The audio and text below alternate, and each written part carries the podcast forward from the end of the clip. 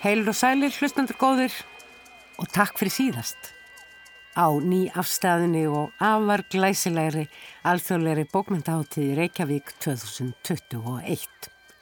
Í þætti dagsins verður litið yfir síðustu daga sem sannarlega stóðu í merki skálskaparins í Reykjavík. En bókmyndirnar halda áfram hvað sem öllum háttíðum líður og sannarlega er flóðið jóla þegar tekið að streyma fram. Þannig sendi fyrir skömmu Einar Kárasson frá sér nýja skáltsögu, Þung skí, saga um örlagaríkan björgunarleiðangur eftir flugslis. Einar verðist komin í einhvers konar hamfaragýr í skáltsögum sínum eða finnst honum einfaldlega mikilvægt að við gleymum ekki örlaga hrömmum sögunar í þægindum og marglitum viðvörunum vegna veðurs í samtímanum. Norrannar bækur verða svo á sínum stað undir lokþáttarins.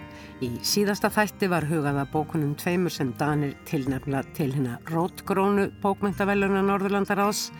Við dveljum enn í Danaveldi og skoðum bækurnar tvær sem Danir tilnefna til barna og úlingabókmyndaveluna Norðurlandaráðs en við byrjum á nýjafstæðinu bókmyndaháttíð.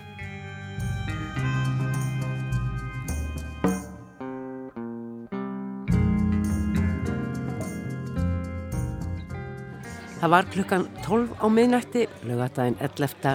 september, að punkturum var settur á alþjóðlega bókmyndaháttíð Reykjavík 2021 með trilltu bókaballi í yðnum.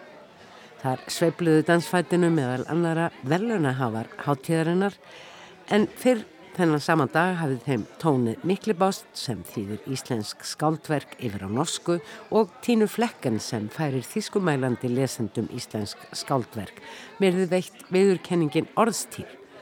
En einnig tilkynnt hver hliti alþjóðleg verðlun Haldórs Lagsnes sem nú voru aðfendt öðru sinni. Það var fyrri handhafiði velunana breski rittöfundurinn Ian McEwan sem á samt dómnefnd valdi að það skildi vera tyrkneska skáldkonan Elif Shafak. Við eigum til góða að fjalla um þessa þýðundur sem og um Elif Shafak en tvær bóka hennar hafa komið út í íslenskri þýðingu, annars vegar Heiður í þýðingu Ingunar Ástísardóttur og hins vegar 10 mínútur og 38 sekundur í þessari undarlegu veröld í þýðingu Önnubíð Þórsdóttur. En hvernig var bókmyndaháttíð af þessu sinni? Óttarproppið, er það ekki bara ára tíu sem þú hefur fylgst með bókmyndaháttíð? Jú, eiginlega bara næstu því sem ég mann eftir mér sko. Það passaði eiginlega saman sko þegar ég kom í bæin úr Hafnafyrði að það var haldinn bókmyndaháttið í, í Gamla bíu og Kurt Vonnegut mætti og það var svona dóttið life changing eins og maður segir.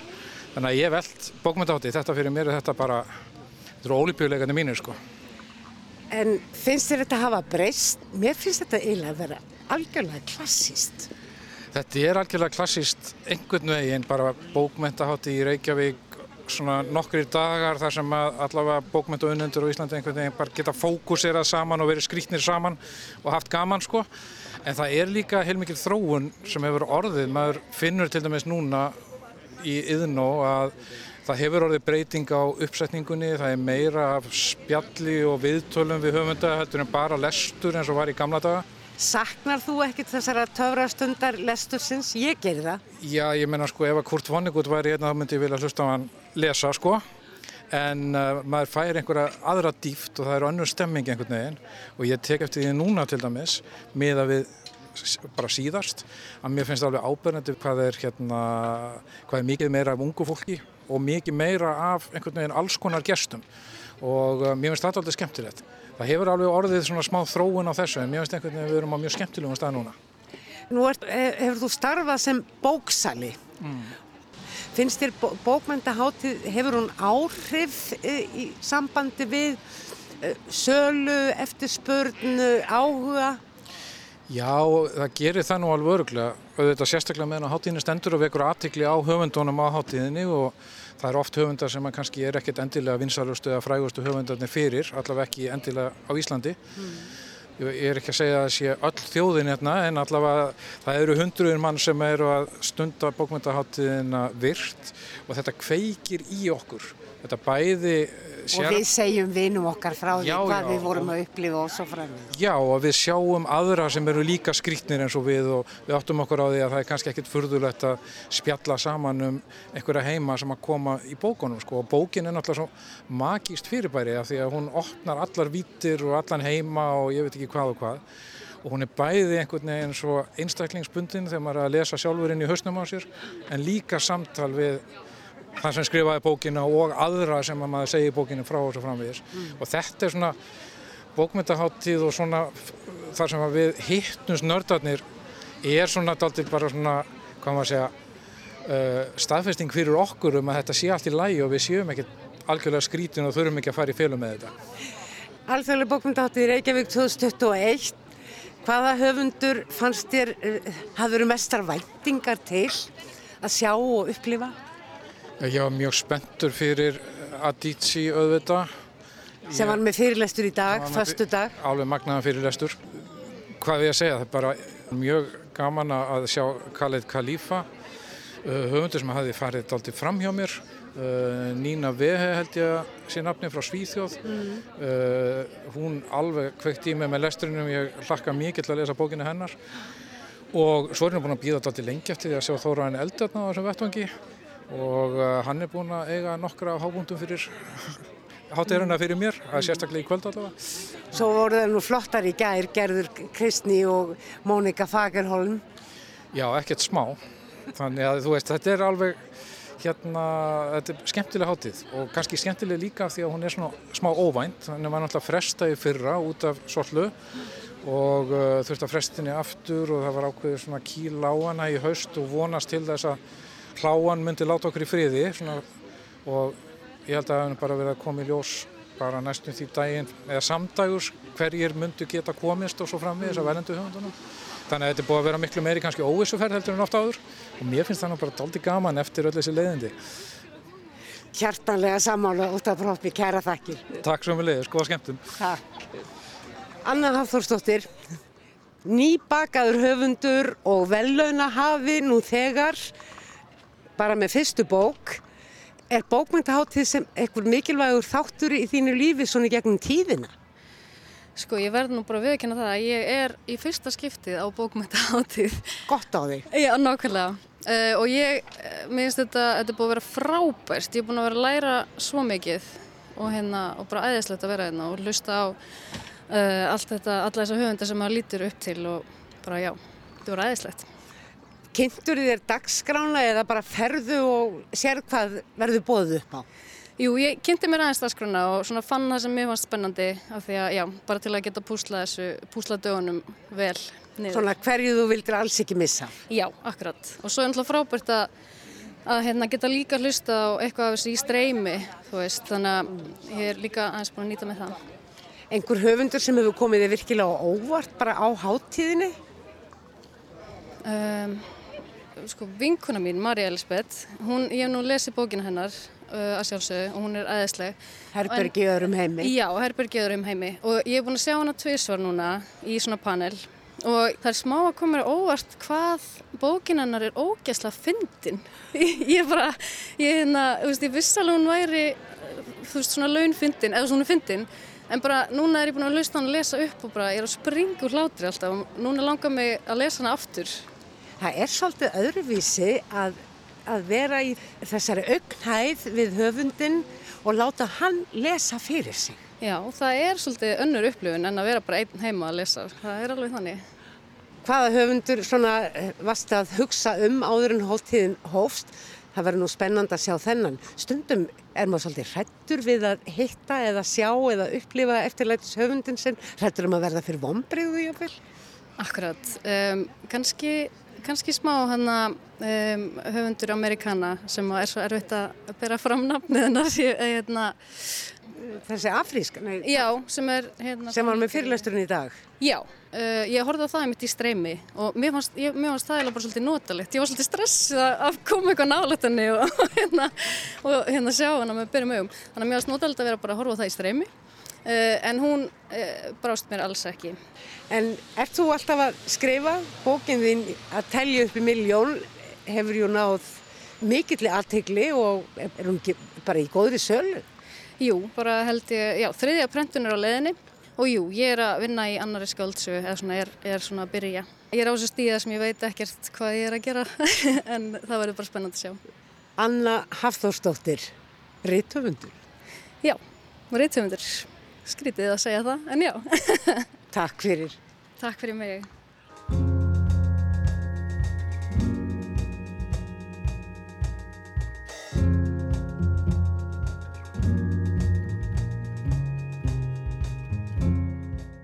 Einar Kárasson, við erum hér samankominn, tvö, til þess að ræða nýja bók eftir þig, Þung skí.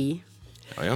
Þung skí er saga um hamfarir, hetjudáðir, þregraunir og byggir líkt og síðasta bókðinn sem kom út árið 2018, Stormfuglar, á sönnum viðburði.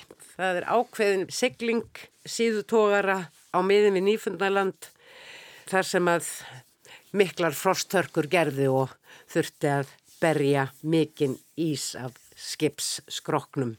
Í nýju bókin er það þókubakkar sem valda flugslýsi fyrir norðan. 20. öldin hefur rétt náð miðju og í eðilegum fyrði þar sem aðeins er á annesjum fáinir bæir. Býr á einum þeirra úlingstrákurinn Theodor og hann er svona kannski aðal personasögunar. Þú sagði mér þegar við vorum að ræða stormfugla að það hefði tekið því svolítið tíma að finna frásagnar mátan fyrir það verkefnið sem þið langaði að sinna nefnilega að skrifa breyða sjómanasögu sem varð stutt nóvela um afmarkaðan atburð og það hefði ekki tekist almenlega fyrir en þú fannst þennan margrata frásagnar máta. Er það nástfangin um honum sem höfundur? Þessum fókniríska frásagnarmáta. Já, ég verður náttúrulega að teljast vera það. Það eru nokkra bækur sem ég hef skrifað í, í þeim stíl. Uh, rétt eins og í, með stormfugla þá er þetta efni sem er búin að leita lengi á mig. Þetta ákveðnar flugslýsi hér í fyrir árið 1947. Já, þannig var að ég heyrði hér í útvarpinu á Ráseitt fyrir svona 10-15 árum, allir ekki nær 15 árum, viðtalið við einn af uh, siglfinningunum sem kom á slista, Gunnar Albersson. Og það eh, ómaði mjög lengi hausnu á mig það viðtal og hafði geifilega áhrif á mig og ég fór að veltaði fyrir mér hvort að væri hægt að móða úr, úr svona atbyrði e, e, skaldskap eins og alltaf það maður þarf að finna einhvern veginn svona réttu röttina til að segja þetta. Og ég bjóð til þennan uh, unga mann hann sem heitir Theodor, kemur í ljósundur lokinu, hann heitir það, hann er bara kallar auðmingin framan af. Mm.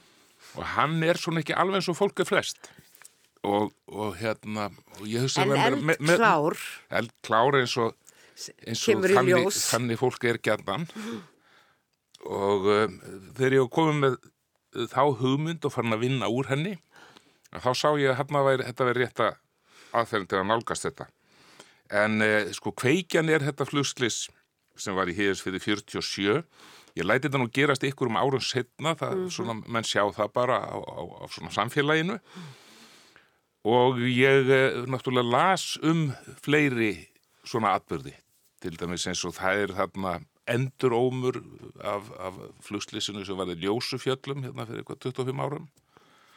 Komst þar eitthvað lífsaf? Já, og sömuleiðis... Það var jú ekki í hérðinsfyrði. Nei. Í raunveruleikanum. Nei, og, og ég nota líka hérna, um þetta flugslis sem var nú komið bókum bara í fyrra fyrir tilvílinn, þegar ég var að vinna í þessu. Ég var búin að kynna mér það svolítið flugslisi í Mykinessi í færi þegar Íslandsk vél fórst þar og uh, svo breytti ég þetta alveg til landslæginu meðan hann setti upp svona vestfiskan hjalla í fjallið. Já Hann heitir Gleiðahjalli sem hefur frúan Ísafjörð. Ég átta mig nú ekki á því en, en þetta er uglust mikilvægt svona... Þetta var mjög mikilvægt allt saman sko. Akkurat.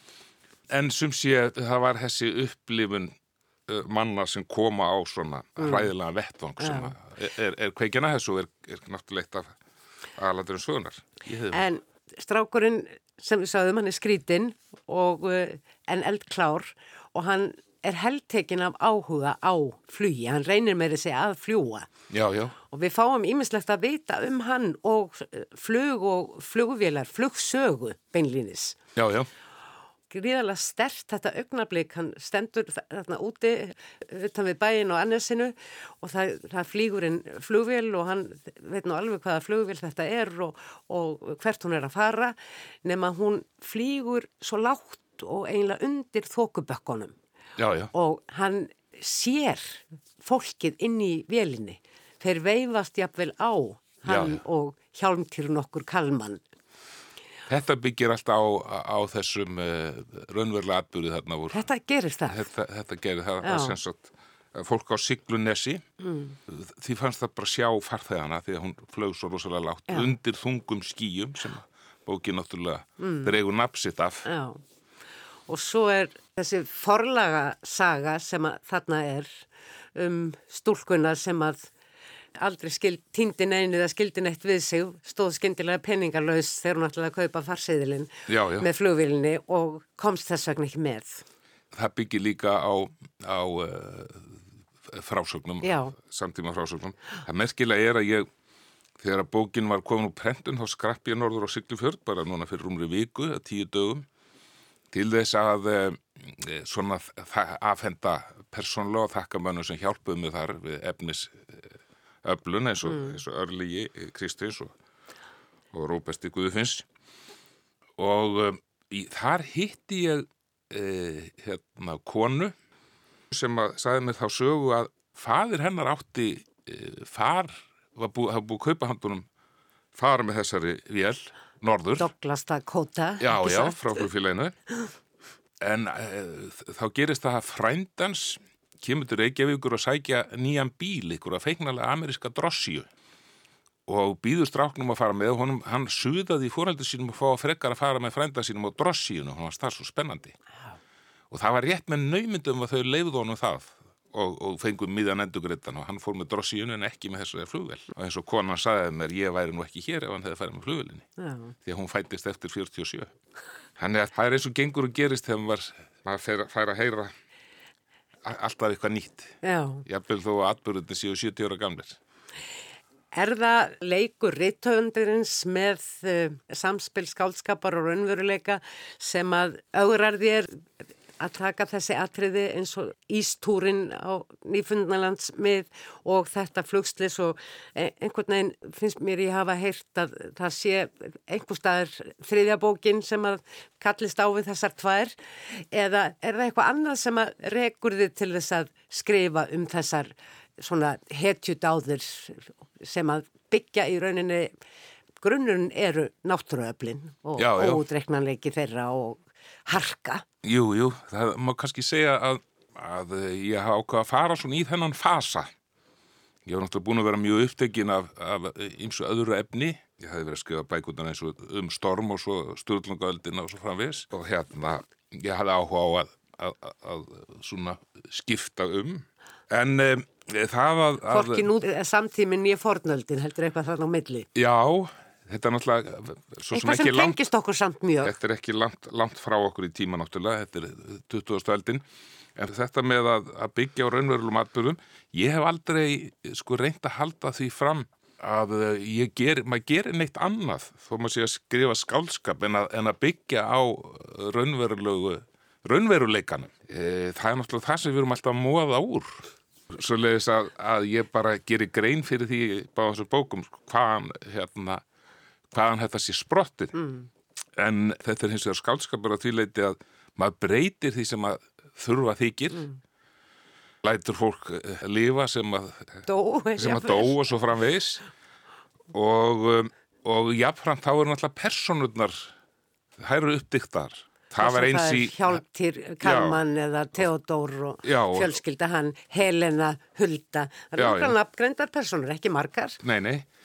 Og hérna, og sama var með, þó ég byggði á þessum túr í, í, í Stormfuglum, á þessum fræga túr Þorkirist Mánan í fundarlandsmið, að uh, þá uh, þekkti ég náttúrulega ekki að kölla hann með borð og, og, og, og mótaði þá bara eftir því sem að passaði. Og einn af skipverjum þar, sem ég hefði haft samband við áður en að ég kláraði bókina, þess að fá svona upplýsingar, ég sendi honum svo bókinn þegar hún kom og hann þakkaði mig fyrir og sagði ég hef náð þessu mjög vel jafnvel þótt að hann kannast ekki við neitt af því sem gerðist um borð þar sé ekki við fólkið og, og, Og- og samtölinn og, og svo framvegs Þetta eru svolítið kallmennsku sögur. Það, kallar eru mjög í forgrunni í báðum þessum bókum. Konurnar eru í bakgrunni. Já, það var, na, maður áður að reyna að hafa balans í þessu, þessu, þessu öllu öðru, en þegar að þetta er tógari árið 1959 eins og það er í Stórfuglum, þá voru bara ekki konur um borð og um, þetta er náttúrulega annað þarna, sko, það eru náttúrulega, það voru kallar sem fóru á vettvang, Já. það hefði aldrei verið, á, á þeim tíma hefði aldrei verið öðruvísi. Og þetta var náttúrulega mikil, mikil þregraun bara að komast á staðin og klífa fjallið og bera allar þessar byrðar. Þú lýsir því alveg gríðarlega sannfærandi. Maður er bara komið titringi lærföðvana þegar þeir eru að uh, fara niður með bæði lík og lifendur Já, já, niður brattan og, og, auð, og hvernig þeim lærist þetta smám saman, hvernig er best að haga þessu. Já, já. Og um, með því svona kynna sér uh, vitnisburði manna sem hafa lent í ykkur svipuð þá fær maður alltaf hugmyndur um hvernig rétt sé að lýsa þessu. En það er þessi líka mikla forlaga saga og saga drengsins sem að halda þessu saman. Já, þetta var svolítið kunst fannst mér það reyndi svolítið á mig að finna hvernig ég geti vafið þessu saman. Mm. Og líka vegna þess að meiningin var alltaf tíð að þetta yrði nóvela þar sé stutt skaldsaga. Já, hún er ekki nema 20, 120 síður. 120 síður eins, og- eins og stannfuglar. Kosturum við, við það form er að, að eh, lesandinn á að geta tekið þetta sko, lifað í þessum heimi svona nokkurn veginn í einni lotu. Það Og- er tekst fullkonlega. Já, takk fyrir. Það er reyndar, þessi skiptist held í þrjá kabla, hinn, hinn var bara einn kabli, en það er bara vegna þess að það eru meiri skipti millir tíma og sjónarhóttna. Eh, Hún er vantarlega ekki verið skrifuð í þessum boga. Ég ger ekki ráð fyrir því. Heldur hafið þú svona eitthvað þurft að púsla saman og, Já, og já. raða eftir á og finna svona réttu byggingunum því það er stokkið aftur og bak og fram í tíma Já, já. og, uh, og það eru fjölmörg sjónarhorn. Já, þetta maður þurft að finna út úr þessu. Ég vil ekki segja eh, svona guma því að þetta sé, eh, hafi verið eitthvað geysilega úthugsað. Það er mikið meira að ég að gera þetta eftir tilfinningu. Hva, hvað manni finnst virka. Þú sagður um stormfugla, þú hefur verið nokkuð lengi að finna hvernig þú ættir að gera þetta en þegar þú varst búin að finna það, þá gekk verkið hratt fyrir sig. Var Já. það eins með þessa sögu? Já, þetta tók mig tölvöld lengri tíma. Sko, ég var búin að þaul hugsa svo efnið í stormfuglum að ég var eiginlega með hana algjörlega í hausnum því ég settist niður. Og það var í janúar 2018, ég byrjaði bara 1. janúar á nýjásta og kláraði 31. Þá setti ég punktinn aftur þetta. Ah. En ég var í allan vetur að, að, að bauka við þessa, meðal annars vegna þess að, að eh, mér fannst á löngu köplum að, að, að eitthvað, eitthvað vantaði og uh, þá komu inn nýja element eða svona element sem, að- sem að En þetta með Björgun Bassins og uh, hlut ljósmóðurinnar og skrittnastrákin, Theodor, uh, þa það var frá byrjun. e, ne, e, Eða það, bankaði Etel upp á, hún bankaði meðal hans upp á ljósmóðurinn. Já, já, ljósmóðurinn og ég hérna var eins og með síningu upp í landnámsetri eins og ég stundum á söguloftinu þar sem ég var að segja og þetta var, þá hafði ég útbúið frásögn sem hétt hérna, íslenskar hetjur. Og það sem voru ólíkar hetjur allt frá bara fósbræðurum og svo framvegis úr fósbræðursögu þá var ég meðal annars með með uh, norrlenska ljósmóður sem ég hafði lesið um í bók eftir Guðrunu frá Kornsá íslenskar kvenhetjur. Svo lesi ég þekkti þessa, þessa svona Þessa manneski. Já, það er svo merkilegt að, að eh, bara nokkurn veginn saman daginn og bókin kom út eða nokkurn veginn setna þá var Ítliði Jökulsson að lesa hennar þátt í, í, í hérna, sínum ágæta þætti Já. frjálsum höndum. Stórmerkileg kona ég, hún eh, kom ekkert nála þessu mér vitanlega þessu flugslýsi eða neinu tengslu við það en mér fannst passandi að hafa manngerða þessu tægi Og þér finnst líka gaman að hafa forlaga fréttu, Já, já. pínu drauma og, og, og þvínlíkt. Það, það liggur svo beint við þegar að svona stóri atbyrður eru. Um allt svona ganga alltaf ykkur á, síðan ykkur á sögur. Uh, rétt eins og með nýfundurlands slisi, ég frétti eftir á af, uh, menn fóru að segja mér sem þekktu til að það fórst þarna tóður í þessu veðri, júli frá Hafnafjörði, um menn sem að uh, mistu af að fara í ferðina ykkurum, ykkurum dulafullum ástæðum og óskiljanlegum. Þú ert alltaf góður í þessu að soga til þín sögur og eiga í banka og sletta síðan fram í bók. Já, ég hérna, sko, maður náttúrulega verður að gera, grein, gera sér grein fyrir sko styrkleiku sínum og, og veikleikum í þessu eins og öllu öðru og uh, ég er löngu búin að átta mig á því þótt ég sé gífurlegur aðdáandi og, og sumir af mínum uppáhaldshöfundum bæði erlendum og, og íslenskum að uh, þeir geta í, í, í, í mjög smáum uh, hlutum og í rauninni atburðarleysi uh, búið til uh, svo magnað svona ljóðrænt andrúsloft en það henda mér betur að vera með svona daldið stórar personur eða litrika personur og stóra atbyrði. Já, Það er svona, svolítið allt. já, það er svona mitt, mitt uh, það er svona mi, Þitt forte. mitt horte, getur við sagt. Heyrðu, eigum við ekki að fá leifa söguna hljóma, þung ský. Ég baði um að velja. Er það Já. Theodor eða er það eitthvað annar? Ég var að hugsa um að lesa hér tvað þrjá síður svona í miðri bók blassi 71 byrja ég svo fóru þeir að reyna að koma líkunum niður af fjallinu þess að tæpa 400 metra niður í fjöruna Tveir og tveir saman tóku þeir eitt og eitt í einu og það var erfitt að aðtapna sér þannig. Þeir þurftu að fara jafn hratt, bæði sá sem var á undan og bar mesta þungan og líka hinn sem kom bárand á eftir. Ef sá sem neðar var þurftu að hæja á sér eða stoppa vegna þess að hann var komin á sillu eða í ómikinn bratta, var hinn að gera slíkt í sama, því að það þurftu að fara varlega með það sem þeir báru. Það hafi verið lífandi manneskja þar til í gær. Manneskja sem var með áformum framtíðina. Hafi hlakkað til ekkurs. Átti alla sína minningar, þótti væntu sína nánustu var taland og hlæjandi, síðast í gær kannski grátandi, en var nú bundin inn í teppi og borin niður bratta fjallslíð af ókunnugu mönnum til þess að vera lögð, út af, niðri við fjöruborð á samt öðru dánu fólki, fólki sem sá sem var í teppinu hafði kannski verið að tala við síðast í gær.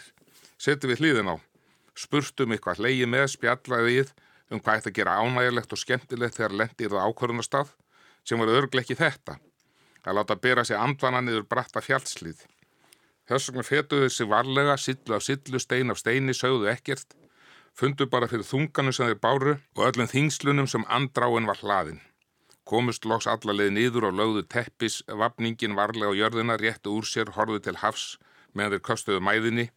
Svo var ekki eftir neina býða, það var að klífa hlýðin á ný fett fyrir fett, upp brattan allarleið upp á hjallan, því að þar voru enn meir en 20 dánar manneskjur sem urða að komast haðan í víða mold sem fyrst.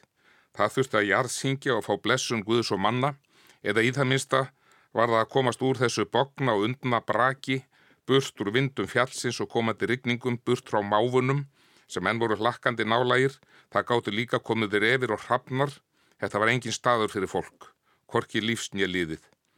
Niður yfir fjöruborðið lögður frá sér manneskjuna, sem þeir höfðu verið að bera niður fjallið, þrjú önnur lík voru sömulegis komið þangað, nú voru þau orðið fjögur hlið við hlið í grjótinu, en burðarmenninni rétt úr sér gáttu verið feignir að hafa komist klakklust niður alla hlýðina með hennan farm. Þeir liti ekki hvort á annan en mændu báður út á fjörðin til að þurfa ekki að horfa á það sem var þarna við fjöruborðið. Öldurnar á fyrðinum voru lifandi og hreinar og tærar og ekkit kom þeim úr jafnvægi.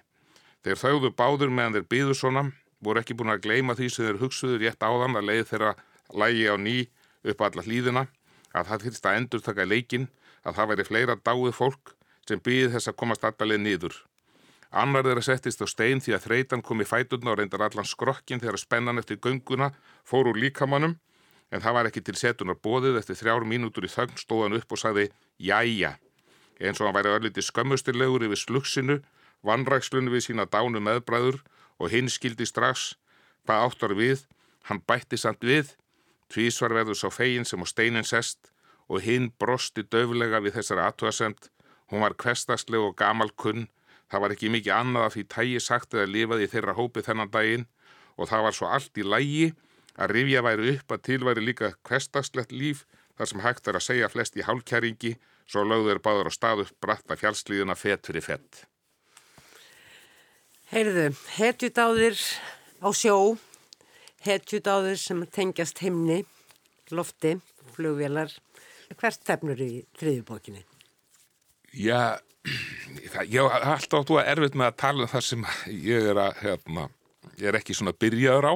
Það er til dæmis árvis hérna, sálarháski sem að lendir í að því að við hérna, sem erum í þessum bransa við þurfum alltaf að sækja um á hverju ári að, að fá laun næsta ára og ettir og þá þarf maður að gera grein fyrir því hvað maður ætlar að vinna og það er alltaf daldið, daldið erfitt finnst mér mm. En, en uh, ég hafði hugsað mér strax árið 2018 að uh, búa til hérna, minnstóttu þrjár bækur í svona þessum, svona nóvelur í þessum, þessum stíl Já. og með svona lífsháska og, og, og tilherandi en mér hekki sennilegt að það verði að næri sjónum aftur í, í næsta verki. Hafið lokkar og laðar. Einar Kárasson, takk fyrir þung skýð, góður eftirmyndagur með þessari bók þó að stundum setjum vissulega að manni hroll. Takk sem leys.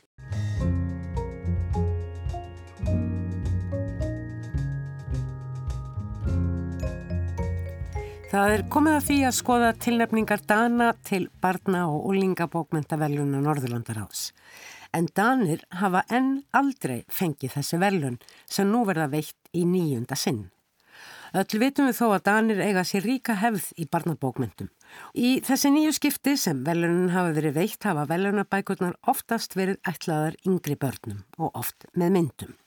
Aðeins þrifsasinnum hafa lengri sögur fyrir eldri lesendur fengi velunin þar á meðal Sölva Saga Ullings eftir Arnar Má Artgrímsson árið 2016. Báðar bækurnar sem Danir tilnefna að þessu sinni eru ætlaðar eldri lesendum en flokkast samt ekki sem ungmennabækur. Markkópurinn fremur í kringum 11 kannski til 13 ára. Þetta eru annarsvegar skáltsagan Vulkan eða Eldfjall um úlingstúlku sem er að reyna að finna á ný tröst til fólks og umhverfis eftir að hafa dvalið um hríð með móður sinni í kvennaatkvarfi. Hinn bókin er síðasta bók í þríleik eftir rittöfundin Adam Ó og ber svo titilinn den rustne verden, riðgaður heimur og er þetta þriðja bókin í flokki framtíðarsagna sem tengjast allar og fjalla um afdrif heimsins í ljósi loftslagsbreytinga og nefnist þessi síðasta bók Úkrút eða Yllgressi. Loftslagsbreytingar koma líka við sögu í skáldsögunu Vulkan sem svo vá sem við heyrum svo mikið um og ræðum á hverjum degi. Jörðin hins vegar sem jarfræðilegt fyrirbæri er öllu mikilvægari þáttur í bókinni eins og kannski titillin Vulkan eða Eldfjall gefur til kynna. En jarðfræðileg ferli jarðarinnar eru nótuð til að mynd hverfa líðan söguhetjunar önnu í þessari bók. Byrjum á því að skoða hana ögn betur.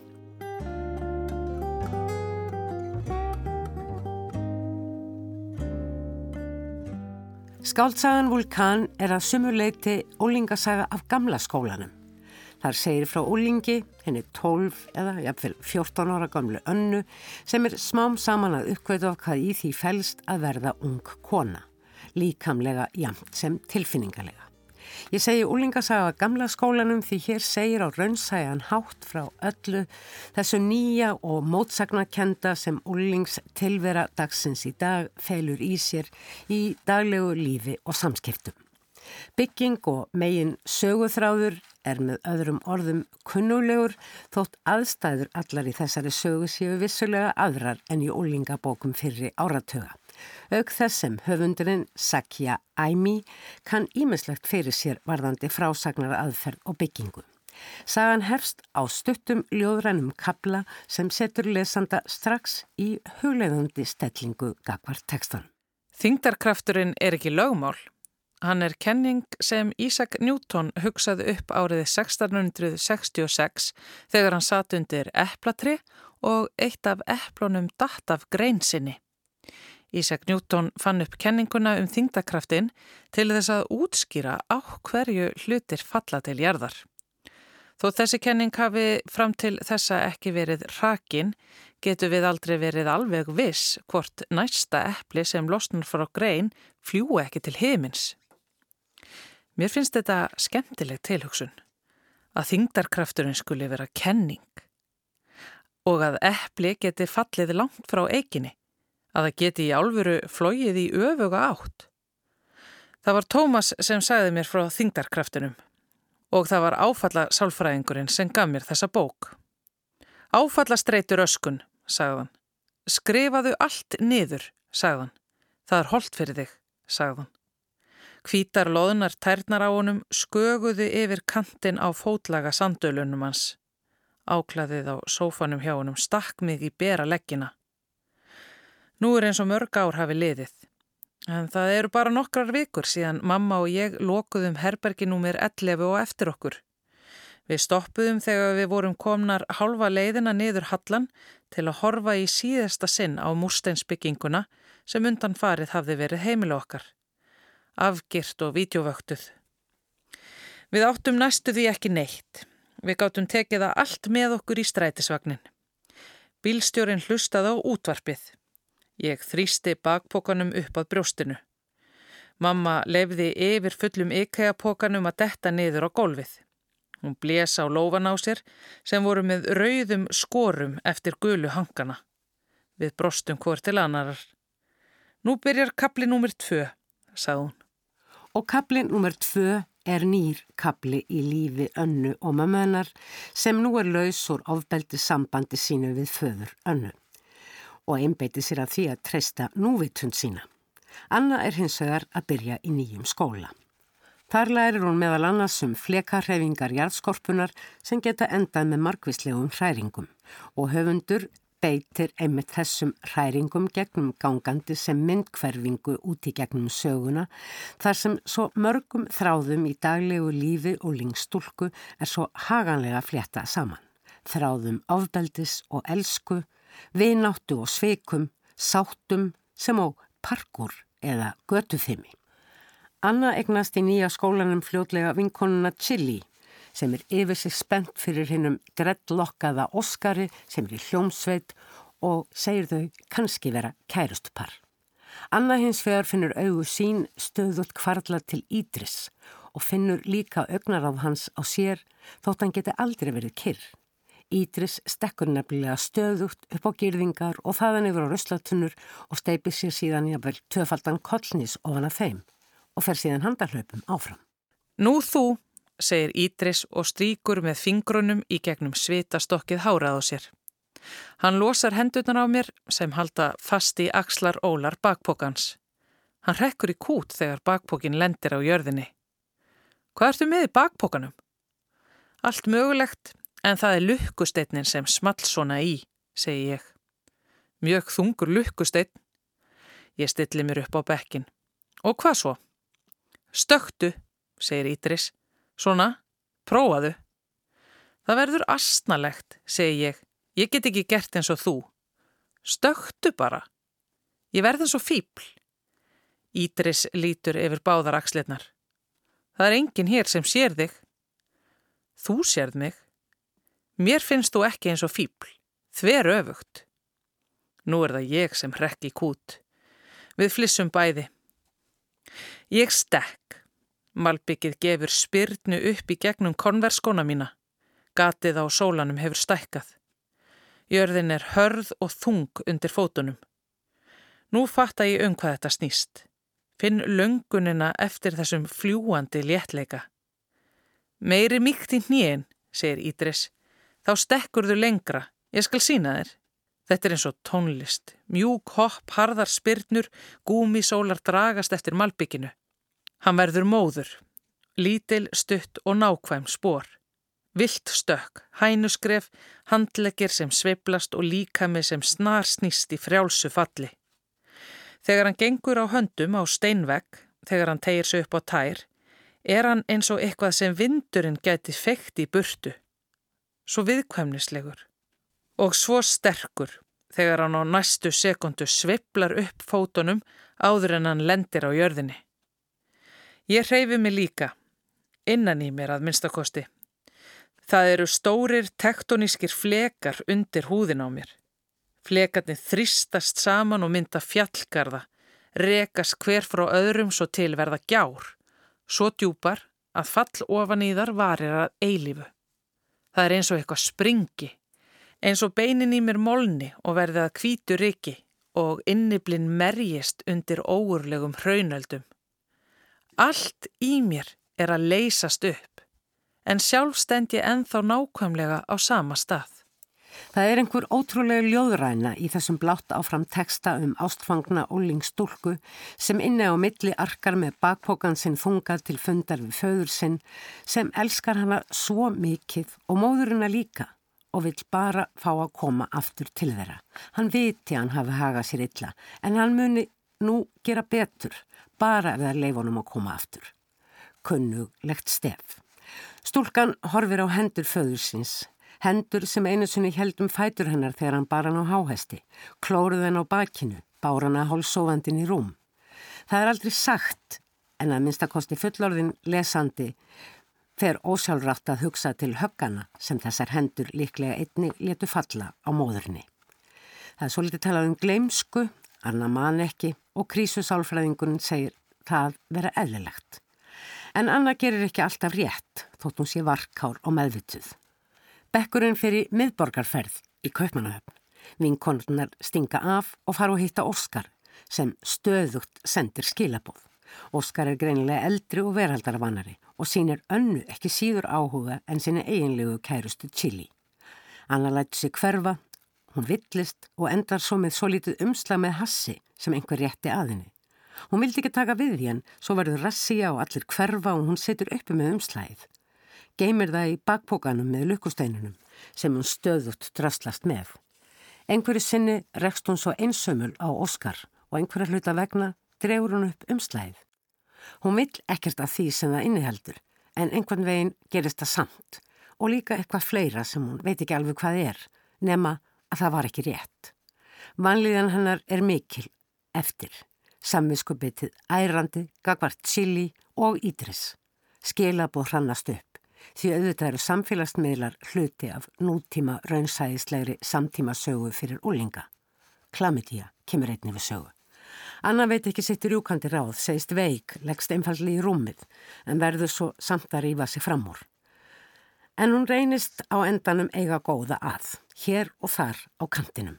Selma úr sömu blokk sem stundum fær önnu til að passa litlu dóttur sína þegar hana langar að djamma reynist henni vel.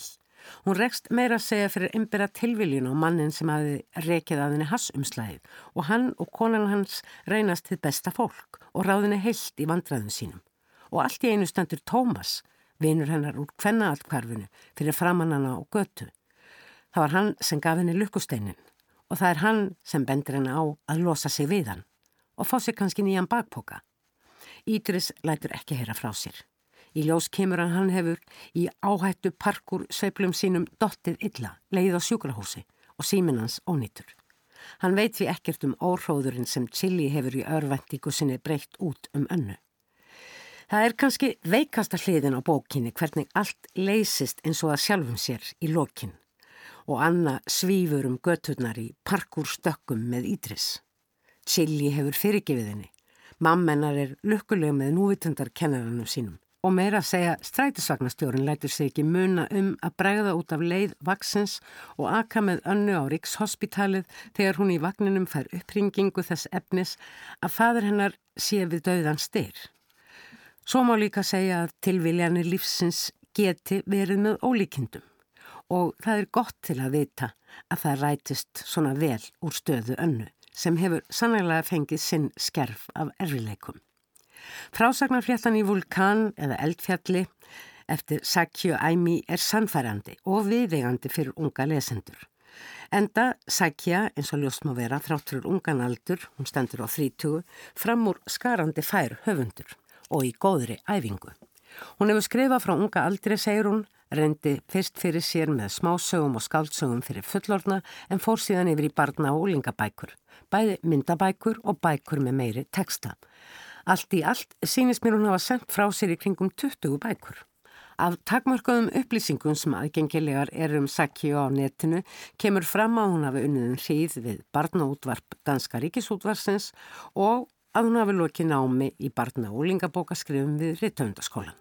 Vulkan er skemmtileg úlingasaga þó sannlega sé í henni ekki sneitt hjá harmi og nöturleika samtímans.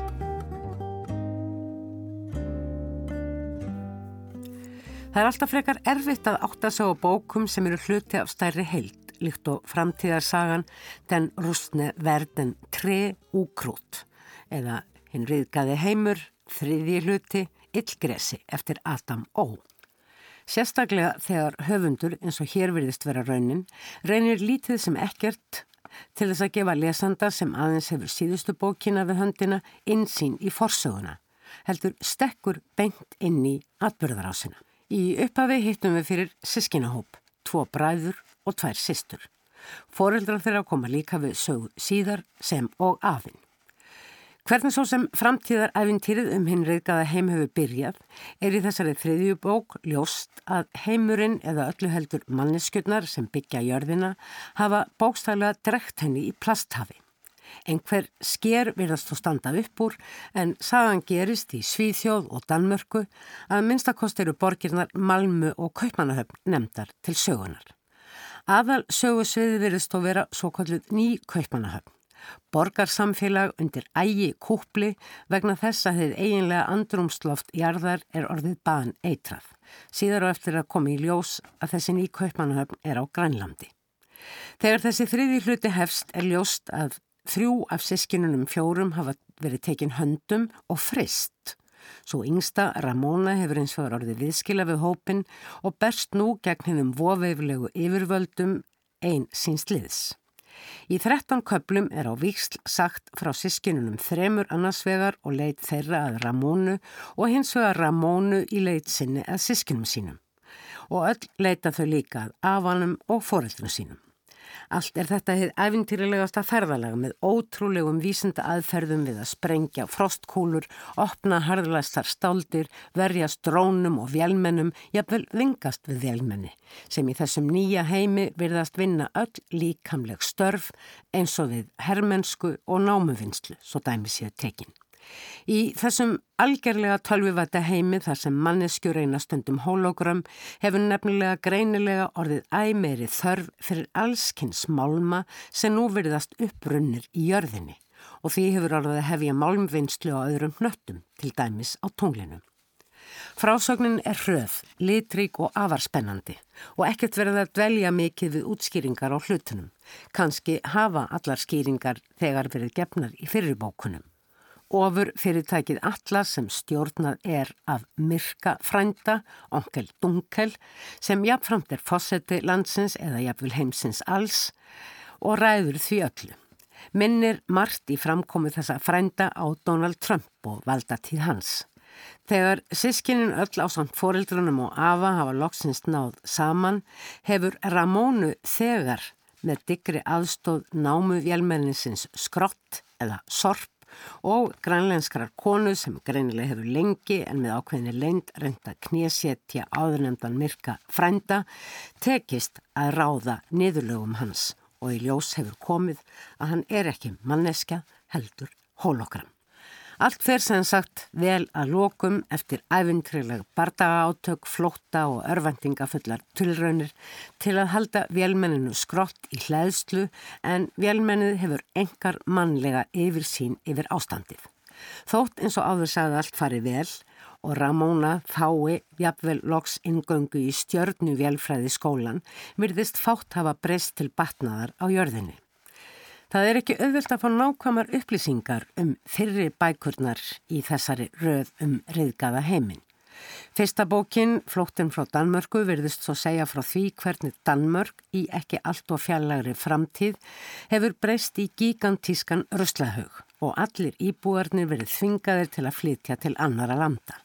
Sískinin sem eru jú aðal personur allra bókana hafa verið flutt með foreldrunum sínum til svo kallara nýkaupmannahafnar sem eins og áður sagði er staðsett undir reysa kópli á Grænlandi. Þar kemur að fjölskyldan fær leifi til að heimsækja afan til Svíþjóðar.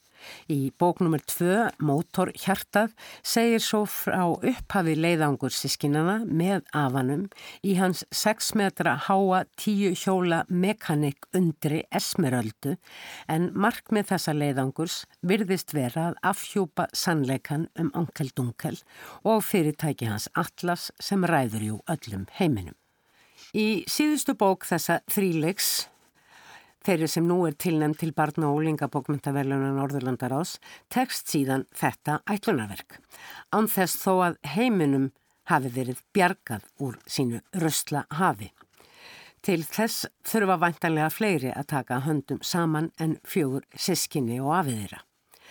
Þessi þriðja bók, Íriðgaða heiminum úkrótt eða illgresi, er vissulega spennandi og lýsingarnar á plasthafinu, drónabardugunum og vináttu sambandir Ramónu við vélmennið skrott halda vel uppi hraðri atbyrðarásinu um leið og augum lesandans er líka staðfastlega beint að því hvernig heimurinn geti komið til með að líta út ef við gerum ekkert í umhverfismálum og spyrnum ekki fótum við falsfréttum, jamt sem fölskum spámanum sem vilja taka að sér fórist í heiminum en hugsa í raun ekki um annað en að skara eld að eigin köku. Báðar bækurna sem Danir tilnefna og hér hefur verið sagt frá lítilega eru skemmtilegar aflestrar. Ég verð þó að viðurkenna að Sakya Aimi heitlaði mig snögtum meira en hinn riðgaði heimur sem sækir augljóslega fyrirmynd í teknimyndasögur og tekst höfundunum Adam Ó vel upp hvað það varðar enda einnig höfundur slíkra sagna. Fleiri verða orðum bækur ekki að þessu sinni. Teknimaður var Úlfildur Eistensdóttir. Takk fyrir að hlusta. Verði sæl. you